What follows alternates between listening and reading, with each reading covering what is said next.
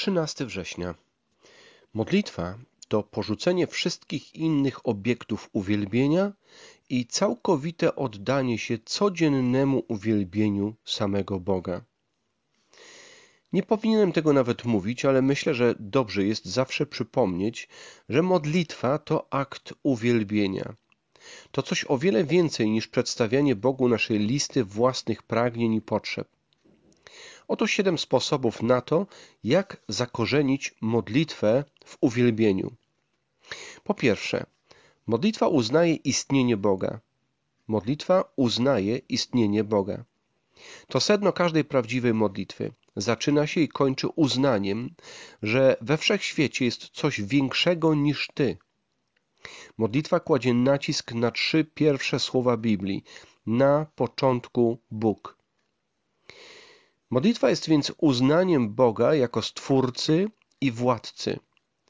Jest zakorzeniona w akceptacji Jego mocy, mądrości i panowania. Nie ma sensu się modlić, jeśli uważałbyś, że jesteś równy Bogu. 2. Modlitwa pochyla się przed Bożą chwałą. Modlitwa pochyla się przed Bożą chwałą. To stały wymóg każdej modlitwy. Nie możesz dobrze się modlić bez uznania, że we wszechświecie jest większa chwała niż Twoja własna lub inne należące do stworzonego świata. Modlitwa to uznanie, że żadna stworzona chwała nie może dać spełnienia temu, który się modli. Żadna stworzona chwała nie może dać spełnienia temu, który się modli. Wypływa ze zrozumienia, że gdy tylko żyjesz dla Bożej chwały, możesz zapewnić swemu sercu odpocznienie i spełnienie. Jeżeli żyjesz dla Bożej chwały, to tylko wtedy zapewnisz swojemu sercu odpocznienie i spełnienie. Nie dla swojej chwały, ani dla czegoś, jakiegoś kogoś innego. 3. Modlitwa poddaje się Bożemu planowi. Modlitwa poddaje się Bożemu planowi.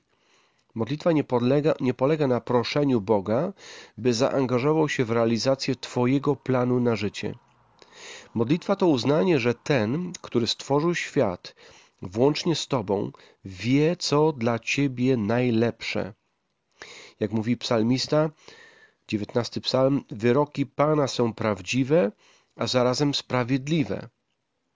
Modlitwa nie polega na tym, że podtykamy Bogu listę i prosimy, by się na dole podpisał.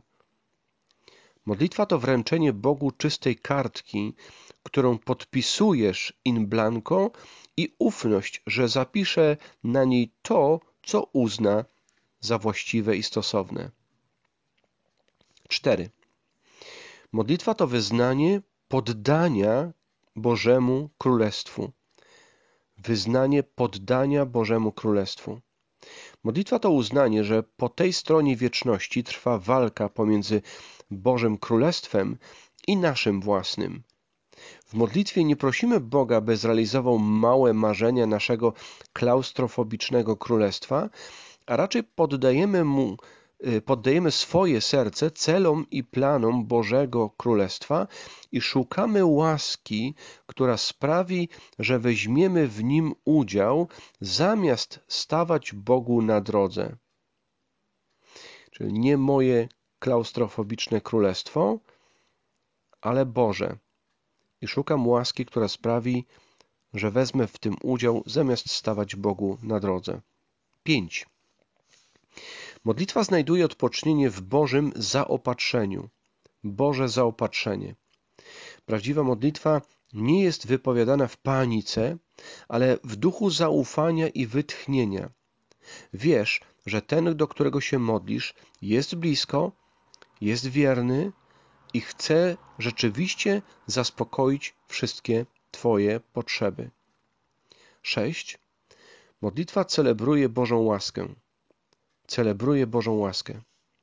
Prawdziwa modlitwa rodzi się wtedy, gdy jesteś zachwycony Bożą łaską, ponieważ to łaska daje ci pragnienie modlitwy, zaproszenie do niej i obietnicę, że On odpowie. zachwycony Bożą łaską, ponieważ łaska daje pragnienie modlitwy, zaproszenie do niej i obietnicę, że On naprawdę odpowie. 7.